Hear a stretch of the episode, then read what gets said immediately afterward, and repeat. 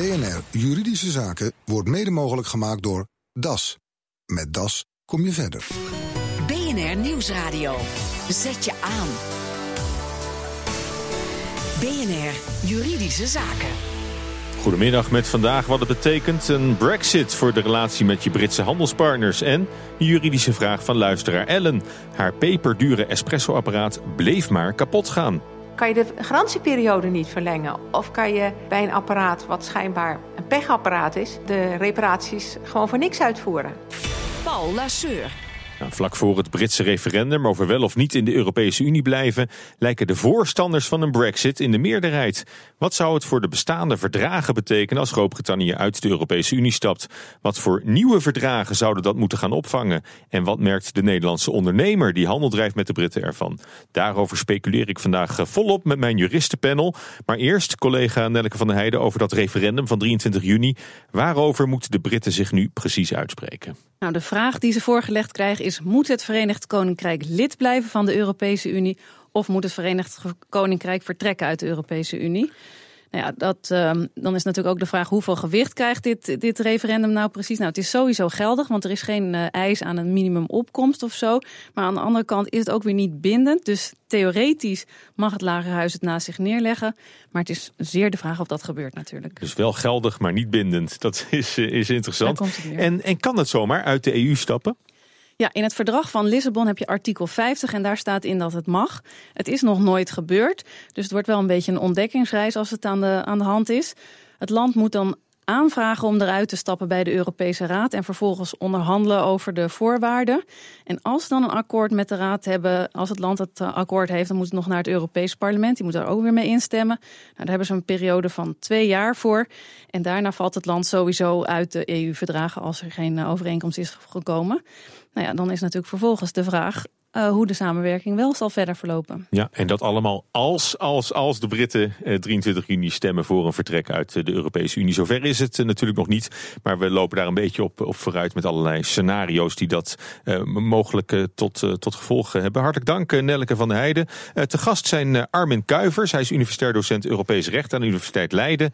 En Willem den Hertog, advocaat bij Udink Advocaten. Hartelijk welkom. Ja, over de impact van een, uh, van een brexit uh, gaan we het uh, hebben. Een mogelijke brexit. Armin Kuivers, een stap uit de Europese Unie... betekent ook een exit uit de Europese verdragen voor de Britten. Wat geeft het Verenigd Koninkrijk op als ze uit de Europese Unie stappen? Absoluut. Ze geven op een volledig partnerschap in de Europese Unie. Dus het gebruik kunnen maken van alle rechten, alle voordelen die lidmaatschap geeft. En voor Engeland kun je dat eigenlijk op een rij zetten, met name als we het over de interne markt hebben. Vrij verkeer van goederen, van personen, van diensten, van vestiging. Dat gaan ze allemaal verliezen. Maar ze houden ook nog wel wat over, denk ik. Wat, nou, wat, hangt... ze blijven vrienden van Europa, lijkt mij. Die vriendschap is licht bekoeld, zou men ja. wel kunnen zeggen. Wat ze overhouden hangt eigenlijk af van het verdrag dat ze weten te onderhandelen als ze eruit gaan. De huidige twee verdragen, verdrag over de Europese Unie, verdrag over de werking van de Europese Unie, daar zouden ze uittreden. Engeland zou geen partij meer blijven, de andere 27 landen blijven lid. Engeland moet dan een nieuw verdrag gaan onderhandelen. En het hangt helemaal af van de aard van dat verdrag, welke rechten ze houden. Oké, en uh, Willem den Hertog, uh, hoe is dat concreet voelbaar in de, in de handel met Groot-Brittannië voor, uh, ja, voor MKB'ers in Nederland die zakenpartners in, in Engeland hebben? Groot-Brittannië, het Verenigd Koninkrijk, wordt dan weer een derde land. En dat betekent dat bijvoorbeeld douaneformaliteiten weer gaan gelden. vroeger als je naar, zelfs naar België wou, dan moest je aan de grens allerlei formulieren invullen. Er moesten aan alle kanten worden gecontroleerd. Europese Unie heeft dat afgeschaft, het vrij verkeer van goederen. Uh, en dat komt dan weer terug. Dat is een enorme, uh, ja, een enorme burden voor de ondernemer. En ook nog zoiets, uh, vrij verkeer van personen. Ik heb onlangs voor een Amerikaan geregeld dat hij hier in Nederland kon komen werken. Nou, dat is een ontzettend gedoe met de IND. Dus als je een Engels werknemer wil aannemen, dan krijg je weer al het gedoe met ja, vreemdeling. Ja, nou ja, goed. Ergens klinkt dat ook als een, uh, als een lawyer's paradise. Hè? Helemaal in die chaotische fase straks. Hè? Mochten de Britten besluiten om uit te treden, dan heb je voor, voor jaren werk aan al die, uh, al die toestanden, al die formulieren. Uh, ja, maar het mooie van advocaten is dat ze niet altijd aan zichzelf denken. Ah, kijk, dat is uw nobele inborst. Uh, Armin Kuivers is natuurlijk niet van de ene dag op de andere het uh, geval. Uh, hoe zal het in zijn werk gaan? Hoe, hoe verloopt dat? Nou, het is goed om daar het proces even te scheiden van de mogelijke uitkomsten. Eerst proces. Wat gebeurt er? Er is een referendum. Stel dat de Britse overheid inderdaad besluit, we gaan eruit stappen. Dan zetten ze het proces in gang, zoals al werd gezegd, met een verklaring onder artikel 50. Mm Dat kan Cameron meteen doen. Hij kan ook tactisch even wachten met die verklaring. Want zodra die verklaring is gegeven, gaat de klok lopen. Vanaf het moment van die verklaring is er twee jaar de tijd om een nieuw verdrag te onderhandelen. Dus dat is niet de uitkomst van het referendum, maar de verklaring van de, de Britse regering die daarop volgt. Ja, de regering geeft formeel aan de Raad een verklaring ja. af. Dan gaat die klok lopen. Zijn ze er over twee jaar niet uit, dat is een kleine correctie op wat er net werd gezegd onder artikel 50, dan kunnen ze besluiten om de periode te verlengen. Als alle partijen dat goed vinden, dat moet bij unanimiteit, dan kan de periode dus langer dan twee jaar worden. En dat is niet onwaarschijnlijk dat de tijd wat langer gaat duren, want het verdrag met Canada bijvoorbeeld, een vrijhandelsverdrag, kostte zeven jaar. En wat, en wat zou de status zijn van de Britten in die twee jaar terwijl dat proces loopt? Zolang ze geen handtekening hebben gezet onder uittreding, zijn ze lid. Het enige waar ze niet bij mogen zitten is bij onderhandelingen over hun eigen exit. Oké, en, en, wat we nu heel veel hebben zien langskomen de laatste tijd al, ook vandaag weer, zijn uh, cijfers over de economische schade hè, van een eventuele brexit voor de EU, maar ook voor de Britten. Wat, wat merkt de gewone Britse burger nu in zijn portemonnee van een uh, eventuele exit? De schattingen variëren um, van zo'n 1500 euro tot 2500 euro per jaar, die ze in een portemonnee direct gaan voelen. Ja, en wat kost het nu om lid te zijn van de EU? Het kost per persoon in Engeland momenteel 128 pond per jaar om lid te zijn van de EU. Oké, en um, kun je nu eigenlijk al wel zeggen ja, hoe groot de schade zal zijn uh, van een, uh, uh, ja, aan, bij, aan, beide kanten van een, van een exit? de beroemde fysicus Bohr heeft eens een keer gezegd: voorspellen is altijd moeilijk, vooral als het om de toekomst gaat. Uh, het zijn allemaal schattingen. Het enige wat zeker is dat er een enorme periode van onzekerheid uh, ontstaat. En als er iets is wat ondernemers, de, waar ondernemers de pest aan hebben, dan is het onzekerheid. Uh, en dat het geld gaat kosten, is ook duidelijk. Je hebt bijvoorbeeld. de Europese Unie heeft gezorgd voor een enorme hoop normen, standaarden, veiligheidsdingen voor producten. En als op een gegeven ogenblik Engeland eruit is en zegt van ja, eh, die Europese veiligheid die vinden we eigenlijk te slap. Wij introduceren grotere veiligheidsnormen. Dat zou dan betekenen dat ofwel de Nederlandse ondernemer die naar Engeland exporteert eh, twee producten moet maken, één minder veilig en één veiliger. Of hij moet, met, uh, hij moet alleen maar hele veilige maken, wat dan duurder is, zodat hij in Europa met dure producten zit. En ook, ook in de etikettering en de verpakking. De etikettering, de verpakking, de registratie van, van, van medische uh, goederen. Het is een. Uh, we zitten met handen en voeten, en de Britten zitten met handen en voeten uh, aan de EU vast. En het merkwaardige is dat dat in de discussie dus eigenlijk geen rol speelt. Het is allemaal gevoel. Ja, allemaal gevoel. En, en ja, stel die Britten die, die treden terug uit, uit de Unie. Um, kunnen ze niet ook gewoon zeggen: uh, uh, we zijn nu officieel geen, geen, geen lid meer van de familie, maar uh, die verdragen verklaren we gewoon van toepassing?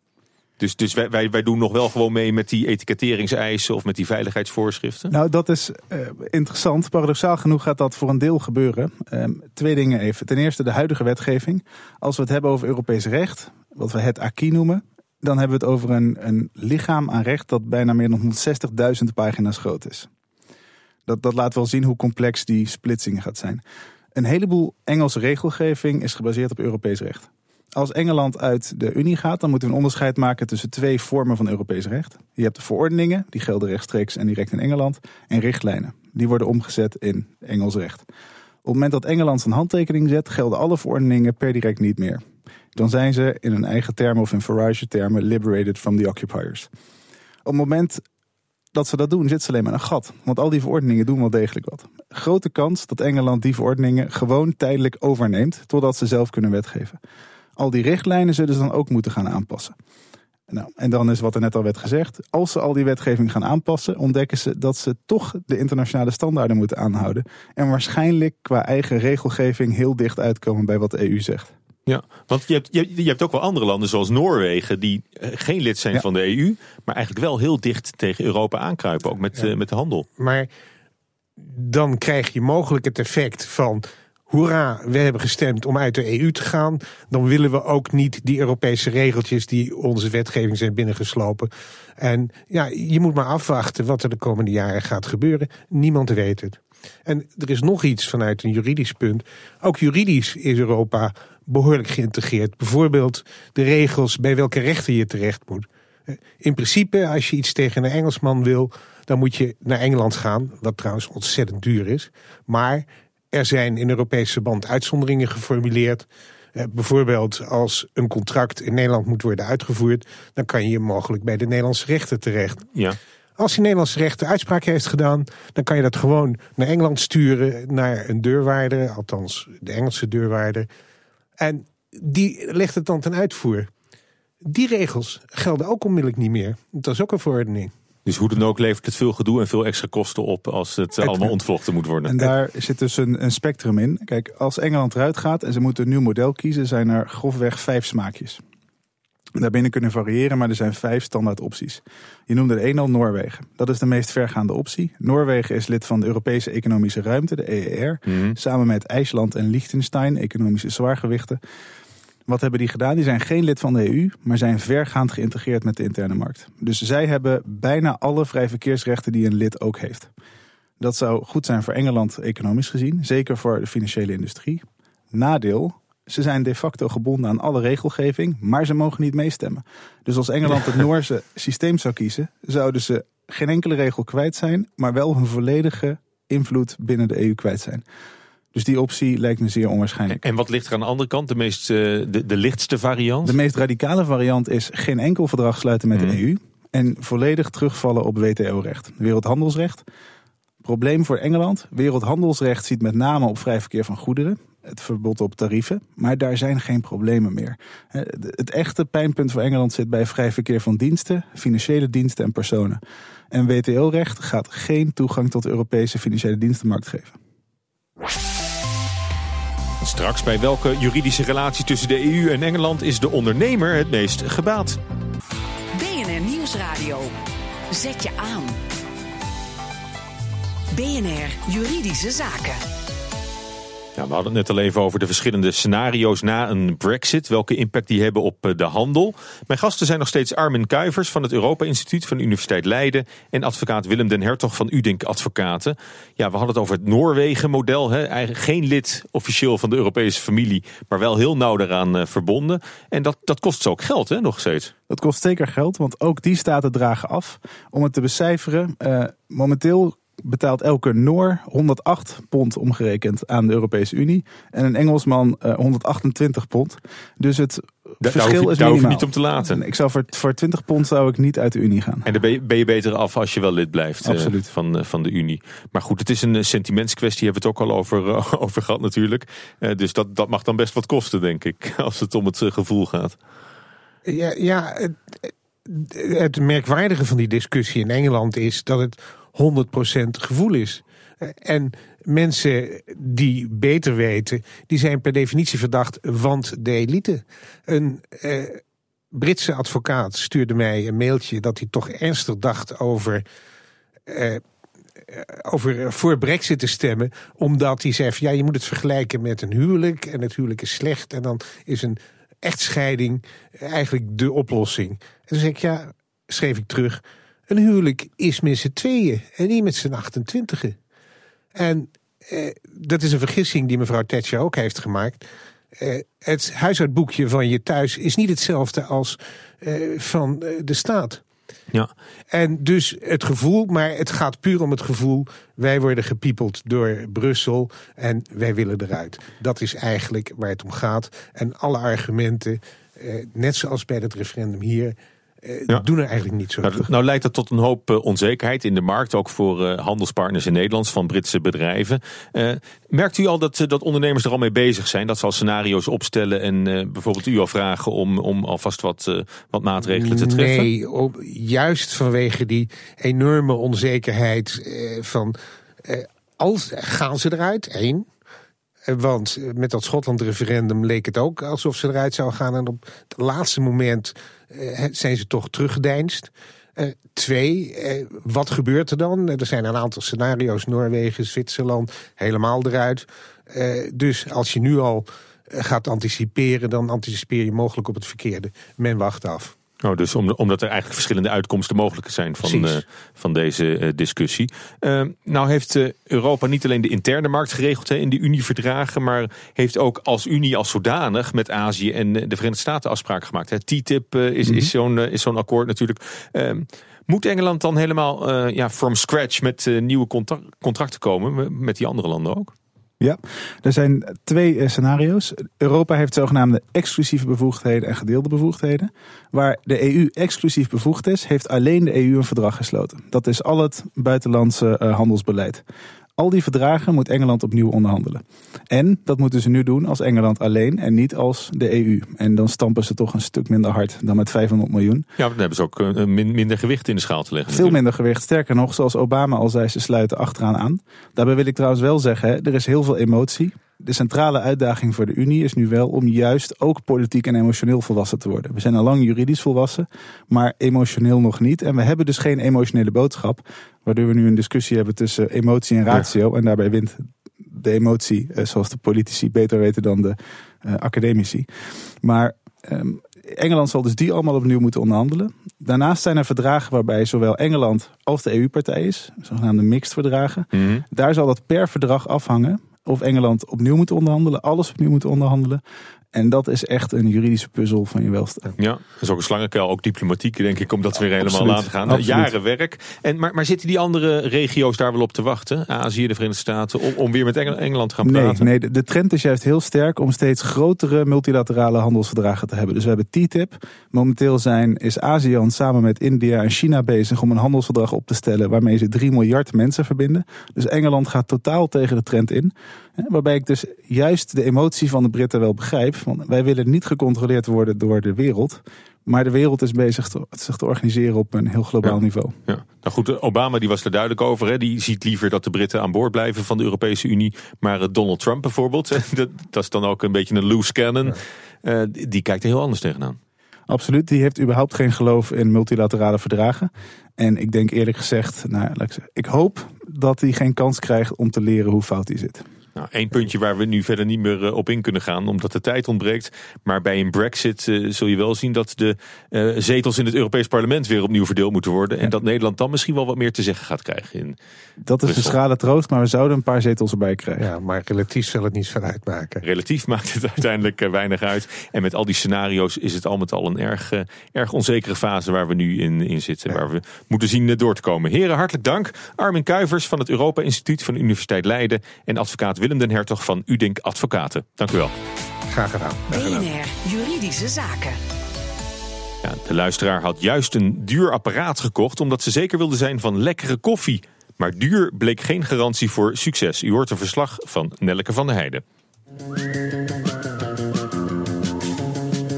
Elle Kok een mooi espresso-apparaat gekocht. Het mocht wat kosten, want ja, koffie moet goed smaken. Maar het was niet alleen maar plezier wat het apparaat bracht. Nee, jammer genoeg niet. Uh, in de garantieperiode van twee jaar is hij al twee keer terug geweest. En daarna binnen vier jaar ook nog twee keer. Dus in vier jaar is hij vier keer stuk gegaan? Ja, helaas. Wat voor merk was het eigenlijk? Philips Aeco. Die heeft het wel keurig elke keer gerepareerd? Het is iedere keer gerepareerd. Tijdens de garantieperiode, dat is twee jaar, krijg je in ieder geval geen rekening. Je hebt twee weken geen lekkere koffie, maar vooruit. Maar daarna moesten we iedere keer 169 euro per keer betalen. En daar was al een flink bedrag coulance af van Philips. Maar toch nog een erg hoog bedrag vonden wij. Want wat was het eigenlijk? 450 euro per keer. Oké, dat is inderdaad een fors bedrag. En dat mag je toch verwachten dat het iets beter loopt met zo'n apparaat? Wij hadden van Philips Eco veel meer verwacht, ja. Dus nu met enige spanning uh, lekker aan de koffie of op zoek naar een nieuw apparaat? Nou ja, we hebben net nu weer te veel geld uit moeten geven voor de reparatie. Dus het is iedere keer de hoop dat hij, dat hij nu gewoon keurig het blijft doen. Wat, je, wat wij verwachten van een apparaat. Met, met een prijs van, uh, van 850 euro. Hadden wij gedacht dat we wel een jaar of acht vooruit konden. Oké, maar dus van die forse bedragen het wel flink teruggeschroefd voor een mooi coulance bedrag. Stelt dat een beetje tevreden? Nee, eigenlijk niet, want ik vind, het, ik vind bijna 170 euro per keer vind ik nog veel te veel. En we hadden ook eigenlijk verwacht, goh Philips, kan je nog niet wat extra voor ons doen? Kan je de garantieperiode niet verlengen? Of kan je bij een apparaat wat schijnbaar een pechapparaat is, de reparaties gewoon voor niks uitvoeren? Of misschien gewoon een heel nieuw apparaat? Ja, dat was ook een mogelijkheid. Brigitte Jakic van advocatenkantoor CMS. Ellen Kok had toch wel iets meer van haar espresso-apparaat verwacht. Had ze dat ook mogen verwachten? In dit geval had zij een levensduur van vier jaar mogen verwachten. Er is onderzoek naar gedaan door de ondernemersorganisatie en de Consumentenbond naar hoe lang een dergelijk product, dus een espresso-apparaat van 500 euro of meer, meegaat. En het resultaat was dat zo'n product vier jaar meegaat. Dus ze moet eigenlijk nog blij zijn ook dat het apparaat het op dit moment doet. Maar hij is ook vier keer kapot gegaan in vier jaar. Is dat niet een beetje veel van het goede? Nou, dat is erg vervelend voor de koper. Het product is twee keer stuk gegaan gedurende de garantieperiode. Daarvoor hebben we dus ook gewoon de garanties en dat gebeurt nou eenmaal. Uh, de andere twee keer, daarvoor moest, moest de koper 169 euro betalen aan reparatiekosten. Nou, hoe zit dit in elkaar? De verkoper die vergoedt in principe de reparatiekosten. In de praktijk wordt dit als onredelijk ervaren en daarom draagt de koper aan de reparatiekosten bij. Het bedrag is vastgesteld op 169 euro en dit wordt als redelijk beschouwd. Hm, ze vond het zelf eigenlijk best wel veel, dat bedrag. Bijna 170 euro per keer. Maar daar kan ze dus niks tegen beginnen? Uh, nee, helaas. Uh, uiteindelijk maakt de koper ook de keuze om akkoord te gaan met zo'n reparatie en al dus ook de betaling van die kosten. Het klinkt allemaal niet zo uh, hoopgevend voor Ellen Kok. Nou is het ook zo dat de laatste keer al na tien maanden het apparaat weer stuk was. Kan ze daar dan misschien nog bezwaar tegen maken? Ik begreep dat tussen de derde en vierde reparatie een periode van tien maanden zit. Je kunt je afvragen of dit aanvaardbaar is. Helaas heeft de wet hierover niets geregeld, dus ik ben bang dat de koper hier tegen ook niks kan beginnen. Weinig hoop geeft dus eh, advocaat Brigitta Jakic in een verslag van Nelke van der Heijden. Nou, heeft u ook een juridische vraag of een kapotte espresso-machine? Dan kunt u hem eh, mailen. Die vraag dan naar eh, juridischezaken.bnr.nl. Dit was de uitzending voor vandaag. U kunt de show terugluisteren via bnr.nl slash juridische zaken. Mijn naam is Paulus Seur. Graag tot de volgende zitting. BNR Juridische Zaken wordt mede mogelijk gemaakt door DAS. Met DAS kom je verder.